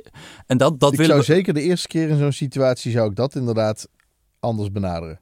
Want, wat ik eh, fascinerend vond, bijvoorbeeld, ik zat die Kamerbrief van jou te lezen van eh, de, ik wil betaling in termijnen mogelijk Mhm. maken. En daar stond dan zo'n zinnetje waar heel veel in zit. Van ja, als wij bij het CIB gaan dreigen om iemand, dreigen om iemand gevangen te nemen, Mhm. dan betaalt hij in 40% van de gevallen wel. Ja. Wat het eerste is wat ik dan denk is, wat heeft hij dan niet betaald? Zou die niet huurschulden hebben gemaakt? Zou die niet, eh, ik bedoel, hij betaalt nu die boete van het CIB dan, omdat jij dreigt hem gevangen te nemen. je- En dan maakt Ja. hij waarschijnlijk elders een heleboel schulden bij zijn familie, bij zijn, bij zijn, bij zijn woningcorporatie. Bij, hè, dat, dat, kan, Dat dat... kan. maar het kan ook het andere. Maar eigenlijk wordt er in die brief al vanuit gegaan dat hij dus wel kan betalen. En dat Nee. vind ik nou dat verkokerde brief, overheidsdenken. er Nee, want dat, dat- nu zit je zelf ook verkokerd, maar je kijkt vanuit de andere kant van de koker. Want nu, jij maakt er ook een beeld van dat al die mensen in die categorie eh, eh, dat de an- het andere zijn. En het probleem Nee, nee, is, nee, het dat is pluriform. Het Dus is je hebt ja, en klopt. mensen Klopt. bij wie eh, gijzeling gewoon prima werkt, omdat ze dan betalen, die gewoon er, er scheid aan hebben. Die, dat zijn ook dezelfde mensen die altijd eh, in beklag gaan, alleen maar zodat de overheid minstens zoveel kwijt is aan die boete als ik hem betaald heb. Ja, nee, tuurlijk, Die- die- tuurlijk. Prima, die heb je ook. Eh, mag ook. Ehm, eh, daarom is het veel belangrijker om vroeg die telefoon te pakken. Om het eerst uit te vogelen welk mensen heb ik hier aan de lijn. Maar die, die, die, wat je aanhaalt uit die brief is volgens mij de reactie op de vraag... waarom schrap je niet het hele, de hele mogelijkheid tot gijzeling? Nou, je hebt hem Dat is uiteindelijk wel de facto gedaan. omdat je hem uiteindelijk... eh, ehm, je wil dat je er bijna nooit meer... dat je hem bijna niet meer gebruikt. Dat wil je. Dat is iets anders dan beginnen met het schrappen van die mogelijkheid. Wat je wil, is dat je die mensen hebt gesproken. Dat je weet wat er aan de hand is. Dat je ook weet dat gijzelen zinloos is. Want het, het is nooit bedoeld als vervanging van je, van je, van je straf. Het is niet zo dat, ja, het is gewoon dat je zegt, nou weet je, ik heb toch even geen baan. Laat mij drie, we- eh, laat mij drie weken maar zitten. Dan, eh, dan hoef ik die boete niet te betalen. Nee. Dus het is, het is bedoeld dus door af te dwingen dat het betaald wordt. Er zijn veel betere, menselijkere, subtielere manieren om misschien niet af te dwingen dat het betaald wordt, maar om te eindigen in een situatie dat er betaald is. Dat is Ja. wat je wil. Dus als ik vraag, kan ik op een andere manier de betaling afdwingen, krijg ik een ander antwoord dan wanneer ik vraag, eh, jullie spreken die mensen, jullie kennen die mensen, jullie zien dossiers. Hoe zouden we ervoor kunnen zorgen dat er in meer gevallen de oorspronkelijke boete betaald wordt? Mhm. Nou, de eerste vraag is, ja, het ligt er een beetje aan hoeveel tijd ik ervoor mag nemen. Eh, voor mij mag je er vijf, ma- maakt niet uit. Even los van de tijd. Mhm. Dan krijg je dus dan krijg je een ander gesprek. Dan groei je toe naar een situatie waarin je eh, die regelingen openstelt. Volgens heb ik ook te maken politiek. Ik moet er wel een meerderheid voor hebben. Ik, wil- als ik dat wil. Dus wat ik dan moet doen, ik begin met een categorie. En dan laat ik zien dat het werkt. Dat het niet leidt tot eh, een hele hoop mensen die juichend door rood kunnen rijden zonder de boete nog te betalen Ja. dan, Dan is groeit een knop politiek draagvlak. Want die zien, oh wacht, waar ik bang voor was. Dat is wat ik eerder zei, ook in mijn eigen partij. Ik, ik kon niet in één keer doen wat ik dacht dat verstandig Ja, was. ja. Omdat er ook, oh, oh wacht eens even, we, gaan, eh, we, moeten wel die boete terugbetalen. Nou, begin ik met de ergste gevallen. Laat ik twee jaar lang zien dat het goed gaat. Dat er minder gijzelingen zijn. Dat het percentage oorspronkelijke boetes, dus niet de opbrengst in euro's. Want die kan best lager zijn doordat mensen hun verhogingen niet meer hebben gehad. Mhm. Maar het gaat erom de oorspronkelijke boete. Die moet je betalen. Mhm. Dus het kan best zijn dat je een hoger percentage betaalde boetes hebt en een lagere opbrengst, omdat je minder vaak toekomt aan verhogingen. Dat is eigenlijk top. Dat- Ja. Zo zou het moeten werken. Als je dat kunt laten zien, dan groeit natuurlijk het draagvlak om dat veel breder te doen. Dus dat is wat je op dit onderwerp hebt gezien. Dat het in fases is gegaan. Eerst boven de 250 Ja. euro en ergste gevallen. En dan zien mensen, hé, hey, het werkt. Mijn vrees wordt niet bewaarheid. En dan krijg je natuurlijk veel meer ruimte om volgende stappen te gaan zetten. En, en, en nog Maar- beter om hiermee om te gaan. en het idee van dat er veel gevolgschade is van armoede, zie je dat ook? En zie je dan ook daar dat, dat, dat, je, dat, dat bij de overheid heel veel verzorgingsstatelijke symptoombestrijding is, laat ik het zo maar Zeker, zeggen. Dus, ja. dus daar wordt heel veel hulpverlening en weet ik veel wat in geïnvesteerd. Terwijl dan vaak had ik het gevoel als je dan met die mensen praat, wat is nu eigenlijk het probleem? Ja, Mag je zit in, diep in de schulden en je hebt weinig geld. Je hebt zo'n club in Nederland, die heeft het eh, Instituut voor Publieke Waarden. En die hebben allemaal van die casussen. Bijvoorbeeld iemand inderdaad in de GGZ of eh, iemand in dakloos. En dan gaan ze berekenen van oké, wat hebben we hier met z'n allen aan besteed? Mhm, En dat gaan echt vaak enorme bedragen van een Mhm. ton of zo Ja. op jaarbasis. Zeker. Van GGZ, politie, justitie, eerste hulp, weet ik wat allemaal. Terwijl als we eventjes buiten de kokers hadden gedacht, of buiten Ja. de lijntjes, en eventjes wat gratis geld hadden toegestopt in een bepaald geval, of wat bureaucratievrij geld, of een, of een hulpverlener had iets gedaan wat eigenlijk niet, misschien niet helemaal mocht en misschien niet helemaal... Weet je wel, dat je ongelijke gevallen ook ongelijk gaat behandelen, volgens dat principe. Ja, daar ben ik helemaal voor. Ja, wat het dus, eh, ik heb liever een professional die met even om tafel zit en hoe lossen we dit op. Eh, maar maar de, precies wat je zegt, jij, gaat, jij zegt het al goed, ongelijke gevallen ongelijk behandelen. We gaan meestal uit natuurlijk van gelijke gevallen moeten gelijk behandeld worden. Waarbij we ook nog eens heel veel verschillen. Want er is geen, eigenlijk geen gelijk geval. Maar heel, eh, het juridisch principe hebben we gekopieerd ook naar de, naar de, de, de, de uitvoering van de verzorgingsstaat. Mhm. En eigenlijk in Nederland is het quasi gelijke gevallen moeten gelijk behandeld worden. En dat werkt niet. Omdat op, eh, eh, wat misschien op papier gelijk is, dat het andere mensen zijn, maakt het al dat je een andere oplossing kunt hebben. Ehm, nou ja, lokaal, weet je nog die, die campagne van 2010 dat Mark Rutte boos werd bij een EO-uitzending omdat die hadden beelden van een bijstandmoeder en die, die trokken ze dan echt, wat heel dramatisch die trokken ze dan, Ik zal het nooit ze vergeten. hadden doorgerekend, nee, je weet het niet meer. Nee. Nee, maar ze hadden, ja, mij staat het goed bij. Wat ze gedaan hadden is een extreme bizarre doorrekening gemaakt van het programma. Tegen die mevrouw gezegd, dit krijgt u. En dan pakten ze allemaal zo fysiek die briefjes eraf. Oh ja, ja. Van, dit houdt u over. oh, heerlijk. Nou, Ze hebben vrouw vast in- veel plezier gehad bij het vrouw- voorbereiden van dat item. Een vrouw in tranen en, eh, eh, en, en eh, nou, Mark helemaal over de flos in die uitzending en terecht. Maar goed, diezelfde mevrouw die woont in Breda en die, die ken ik goed. En daarna ben ik met, eerst met Mark met haar gesproken zonder media.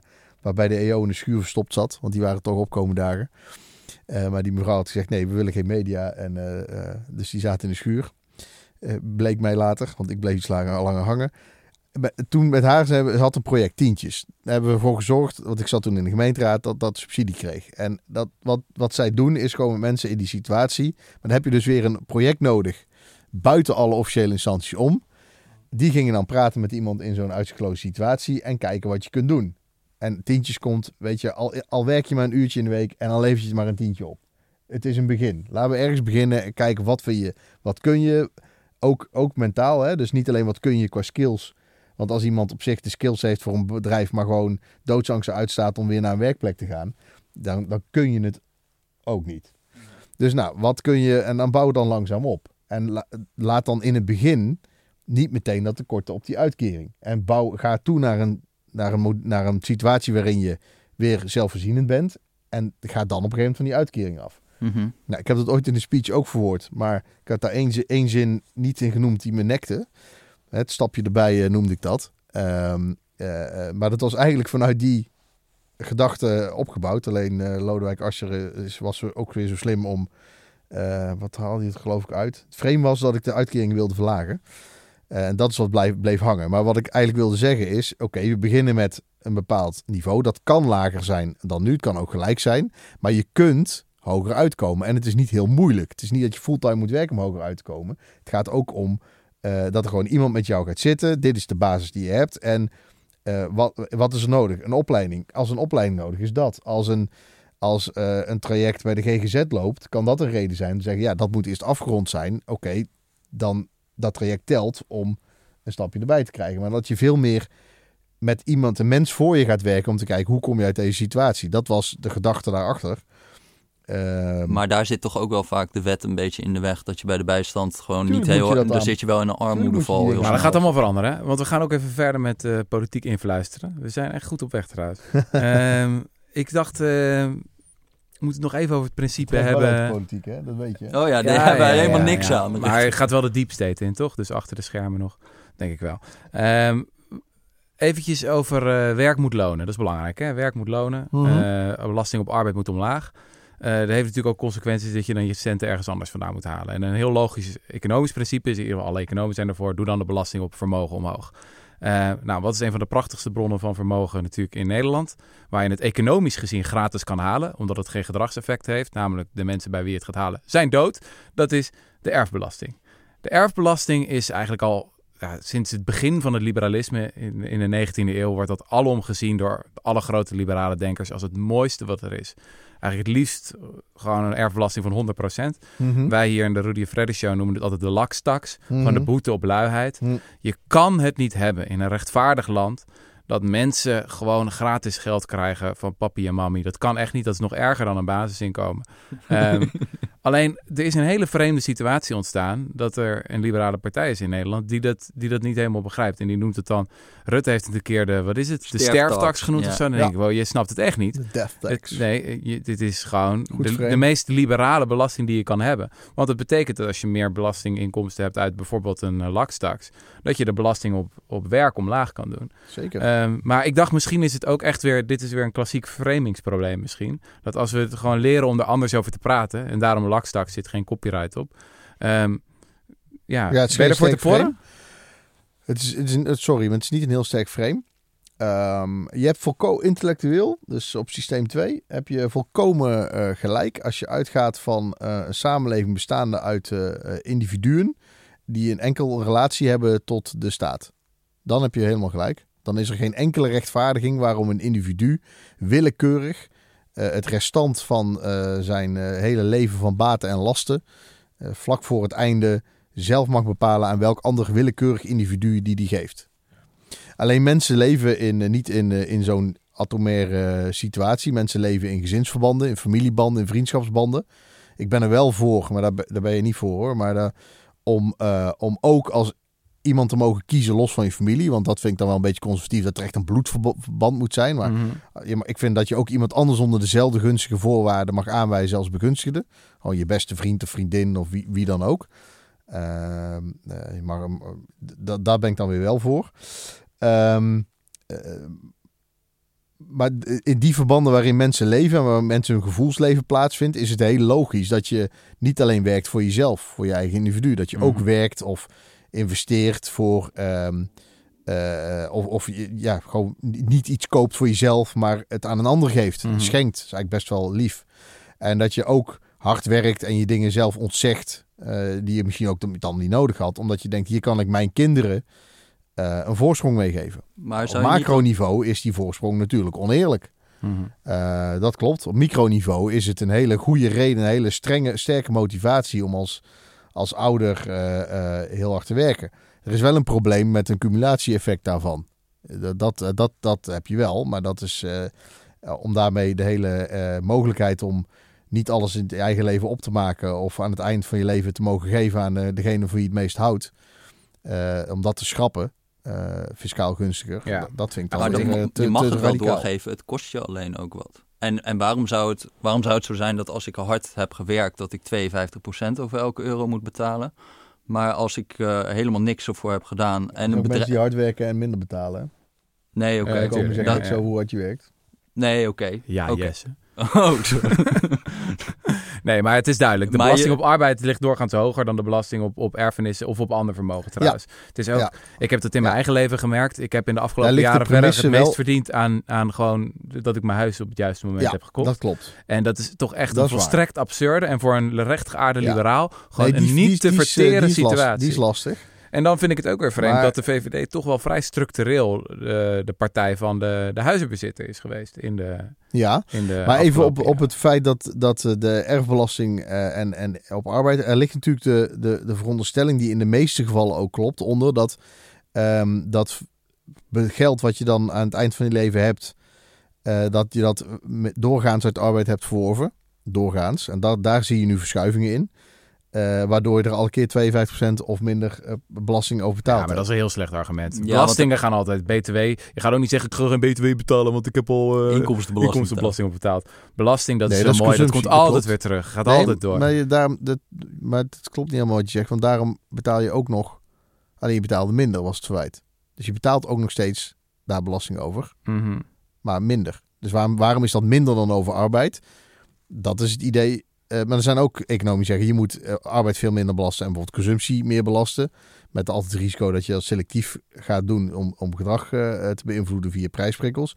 Ik zeg ook niet dat ik geen probleem erin zie. Ik vind alleen het afschaffen van eh, eh, de voordelen die je hebt aan het eind van je leven om het te geven aan degene van wie je houdt, Ja. vind ik Nee, maar oké, maar we kunnen het ook zo structureren dat je een, een flinke drempel hebt. Hè? Dat, dat zegt 95% van de bevolking eh, eh, gewoon, nou ja, nooit eraan gaat komen dat jij, eh, dat jij die belasting een moet ton of zo. Dat je gewoon een ton kan je belastingvrij doorgeven. Of met een hele lage La- belasting. Hoe ja, wil dus- je dat dan doen met, met je, hebt, je hebt een huis gekocht ooit, een paar jaar geleden. Mhm. En dat heeft nu flinke overwaarde. Mhm. En wil je dat dan bij verkoop of wil je dat dan nu al? Want je hebt nu een paar ton overwaarde misschien. Nou, la- laten we even noemen, het, eh, want je anders kan je weer diezelfde. Je, je hebt anderhalve ton. Mhm. Zou je dan ook zeggen, nou die eerste ton overwaarde, oké, dat, is, eh, dat is marktfluctuatie, want het had ook tegen kunnen vallen. Maar meer moet je dan bij verkoop afrekenen of moet je dan nu al over die meerwaarde? Dat zit, zijn natuurlijk al belastingen die ervoor zorgen. eh, De WOZ en de OZB, Mhm. die, die zorgen al dat je wat meer moet betalen. Mhm. Gunstige betaaltermijnen. Doe het gewoon uitsmeren over vijf of tien jaar wat je, wat je wil. Ja, van, maar wanneer dan? Nu, nu al? Je hebt een je huis, zou- is meer waard. Heb je niet om gevraagd, het is gewoon gebeurd. Ja. Nee, dan, dan zou ik zeggen, dan mag je die erfbelasting over een periode van tien jaar Ja, we betalen. hebben het nu over de erfbelasting. Ja. Oh, maar de jij hebt het over dat ik nu het al huis, iets ja, met dat die... punt. Ja. Ja, dat weet Oh, ik niet zo. hoe je dat, hoe zou, of je dat economisch zou kunnen organiseren. Maar de erfbelasting lijkt me, lijkt me in principe eenvoudig te organiseren.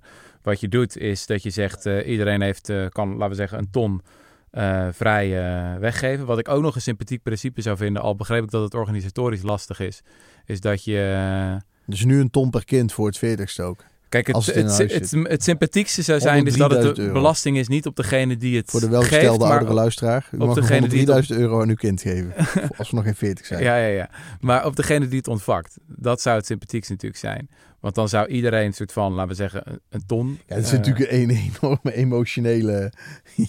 Hier, je ouders zijn dood. Ze hadden nog geld. Kan Ja. ik even vangen. Dat is natuurlijk gewoon het grootste... Waar, je niet met een, waar een frame gewoon niet genoeg is. Nee, dat Dan kom je met een frame niet... niet een lakstaks, weet Maar- je. Maar mag ik- mag- fucking aan het rouwen om je ouders.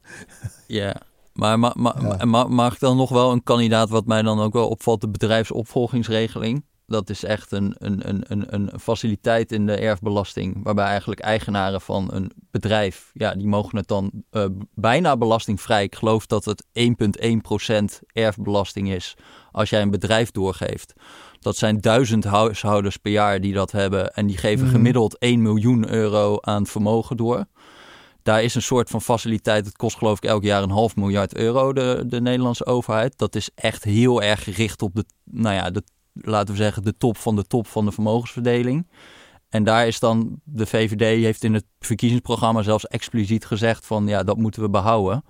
Nou ja, ik ambtelijk heeft, er zijn ook echt veel evaluaties geweest van die regeling van, is helemaal niet nodig. Je kan betalingstermijnen van 10 jaar aanbieden. Het is niet dat je familiebedrijven omtrekt, dat de Mhm. fiscus dan in één keer eh, langskomt. Maar waarom, ja, wa- waarom is dat dan een faciliteit die je graag wil behouden?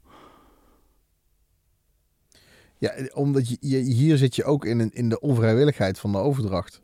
Het is niet dat het, dat het, dat het een, een deal is. Nee, maar het is te- ten opzichte van als ik gewoon geld zou schenken, krijgen Ja. zij nog een extra vrijstelling dat zij veel minder erfbelasting betalen dan jij of ik. Ja, maar ze schenken geen bedrijf. Het gaat over de nee. opvolging, op een overname van een bedrijf. Ja, over de schenken van een bedrijf aan hun, aan hun, aan hun kinderen bijvoorbeeld. Ja.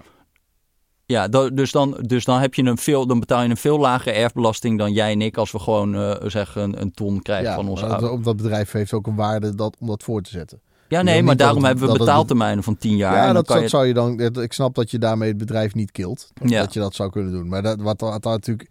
Wat daarachter zit, is, is ook weer het gevoel van mensen hebben een bedrijf, je draagt in de familie. Er verandert eigenlijk niks.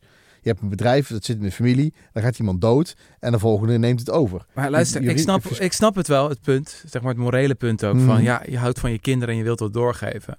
Maar wat mijn punt dan is, is van, het is je taak als liberaal om hier tegen te vechten. En manieren Nee. te bedenken hoe je die accumulatie van vermogen Nee. kan tegengaan. En ervoor te kan zorgen dat arbeid lonend blijft. En er niet een, een Dat- nieuwe klasse ontstaat. En dat is nu in Nederland aan het gebeuren. Ik bedoel, Jess en ik zitten in de leeftijd dat je het ziet dat er gewoon twee groepen mensen zijn. Je hebt de groepen die huizen kunnen kopen en die het niet kunnen. En heel Mhm. vaak is de factor, krijg je een ton van papi of mami mee. Ja, dat is niet liberaal, toch? Nee, dat heeft gewoon- ook te maken met het, met het tekort aan huizen. Ja, heeft er ook mee te maken. Stromen, dat is ook een ander probleem. Nee, ik zeg ook niet dat het geen probleem is. Ik vind alleen de, de, de oplossing eh, die je suggereert, die, die werkt macro-economisch, maar ik vind hem niet per se een liberale oplossing. Ik vind hem juist ook weer uitgaan van het mensbeeld waar we vanaf moeten.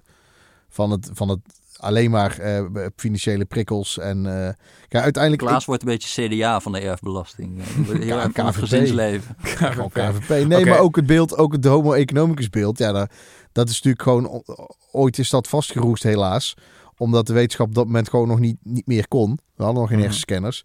En dat is alleen nog wel lang blijven hangen alsof dat het mensbeeld was. Ja. Dat is gewoon een model, simplificatie van hoe de mens werkt... om modellen te kunnen doorrekenen. En uiteindelijk zijn we in het terreur van de, van de dominantie van de economen gaan geloven... dat het mens echt zo werkt. En dat dat je hele mensbeeld moet zijn. En Ja. ook in partijen als de mijne is dat... eh, is dat eh, te lang eh, dominant geworden. Daar moet je dus vanaf.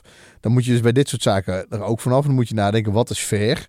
En dan zijn er inderdaad wel limieten aan wat fair is. En ook de opeenstapeling. Sowieso is het ook helemaal niet gezond. Ik, de meeste mensen die bij hun geboorte al wisten... dat ze eigenlijk nooit zouden hoeven werken. Ja. En meestal niet... niet ik, Paris ja, Hilton. Maar het gaat wel komen, Niet, hè? niet de meest prettige mensen. Dus ergens in de, in de, in de, in de, in de verhouding last op arbeid... Ja, dat belasting op arbeid niet meer het meest logische aanknopingspunt is... In, de- in de economie die aan het ontstaan is. Dat ben ik met je eens.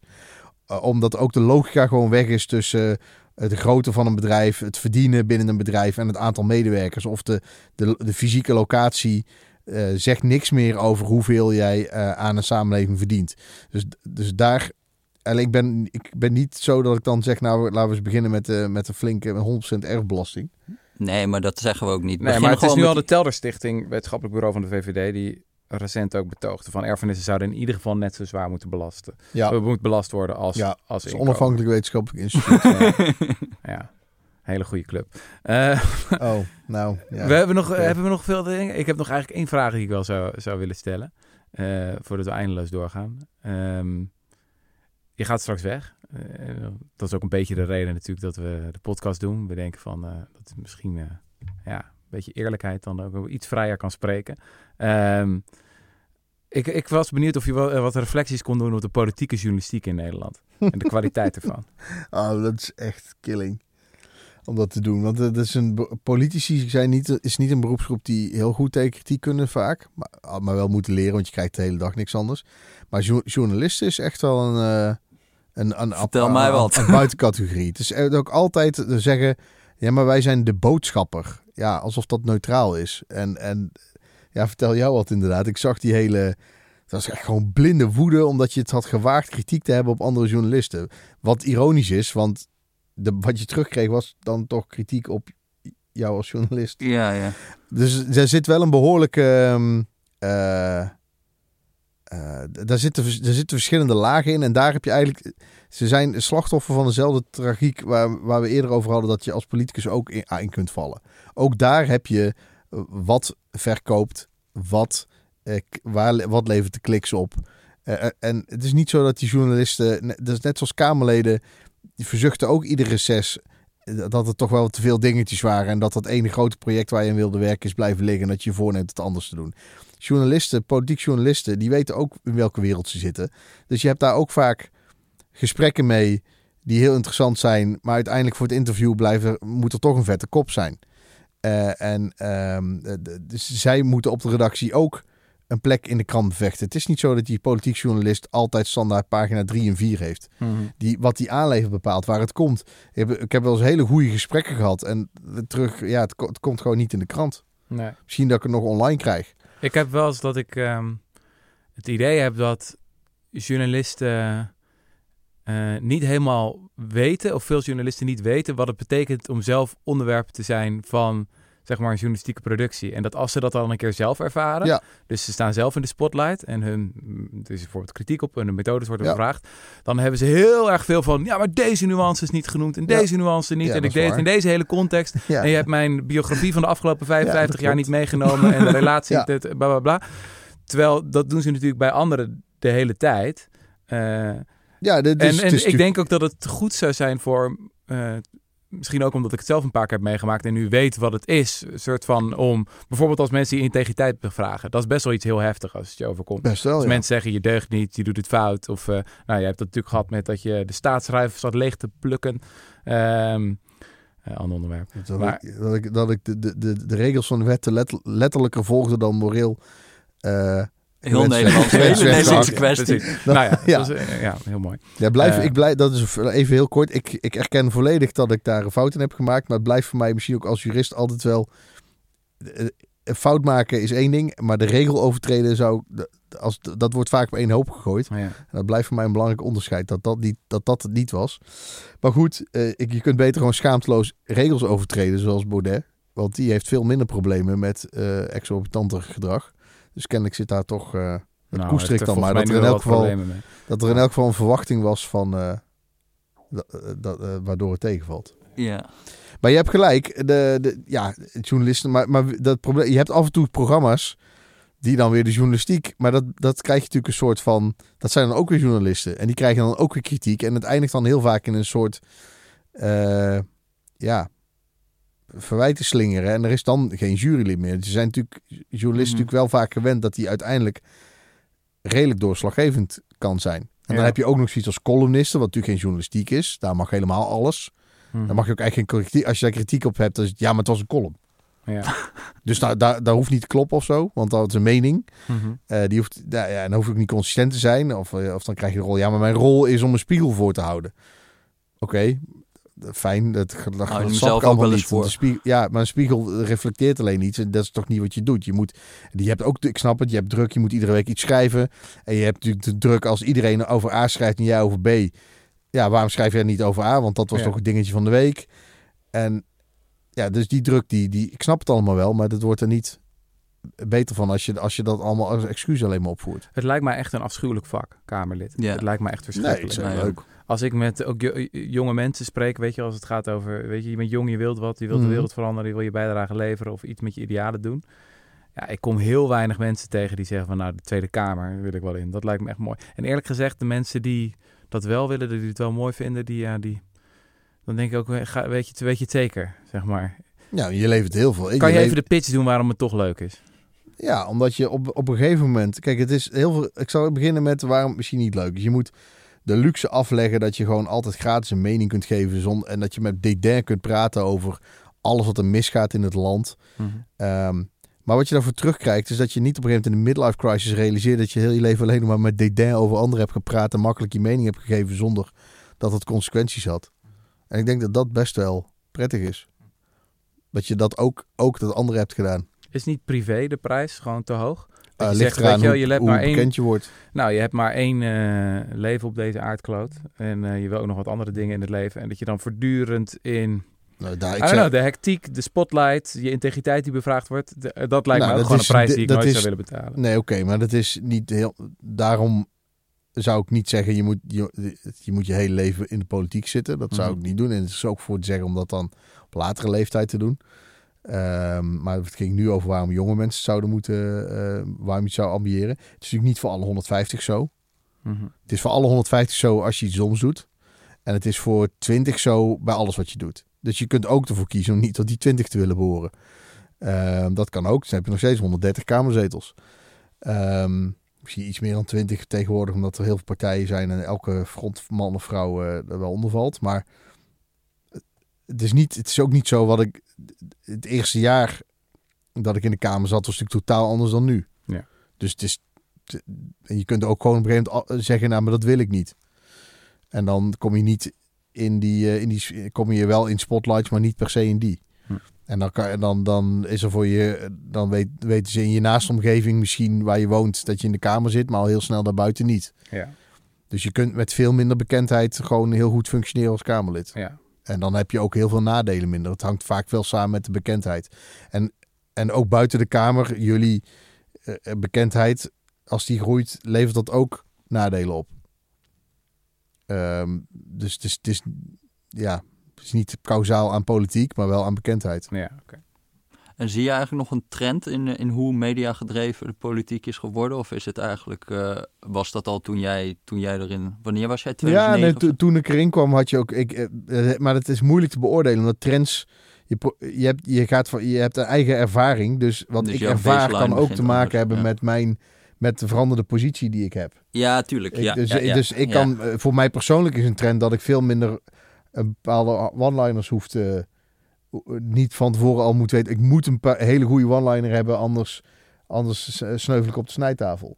Ja, Dat is natuurlijk anders, omdat je, eh, nou ja, een fractievoorzitter van een grote partij kan gewoon met een hele slechte tekst, heeft nog steeds grotere kans dat hij het journaal haalt Hm. dan een, een, rookie met een briljante one-liner. ja, ja, ja. ja. Dus, dus het, het is voor mij moeilijk te beoordelen hoe dat nu is als je nu beginnend Kamerlid bent. Ja, ik denk wel dat er een, een beetje een, een gewenning is ook aan social media.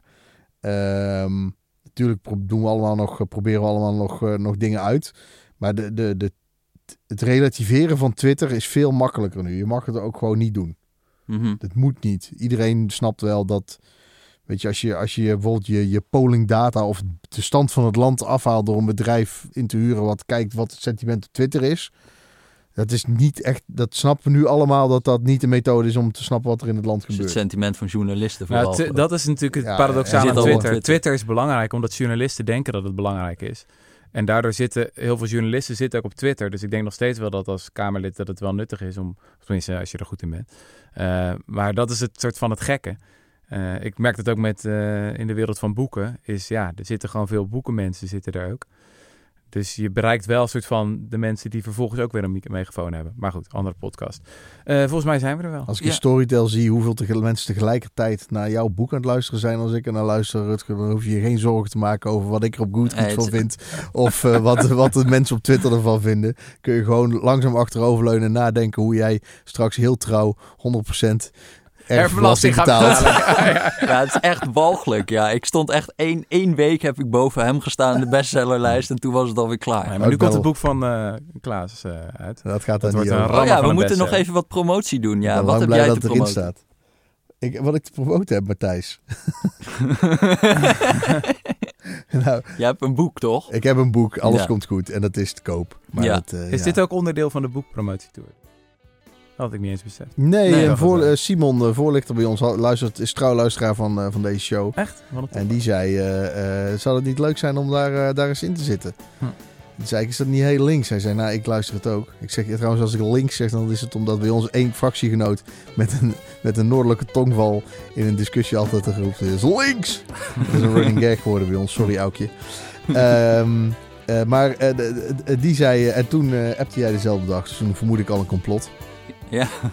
nou, ik ken heel die fractievoorlichting. Nee, snap ik ook, joh. Maar het was een mooi toeval. Mooi. Nou, dank voor je komst. Ja, Eh, je vliegt straks weer terug met de JSF naar eh, Zeker. Breda. Ja. Tot de volgende keer, zeggen we dan tegen onze luisteraars. nou leuk. Dat was hem. Mooi. Ik zeg eh, druk op eh, stop. Ja.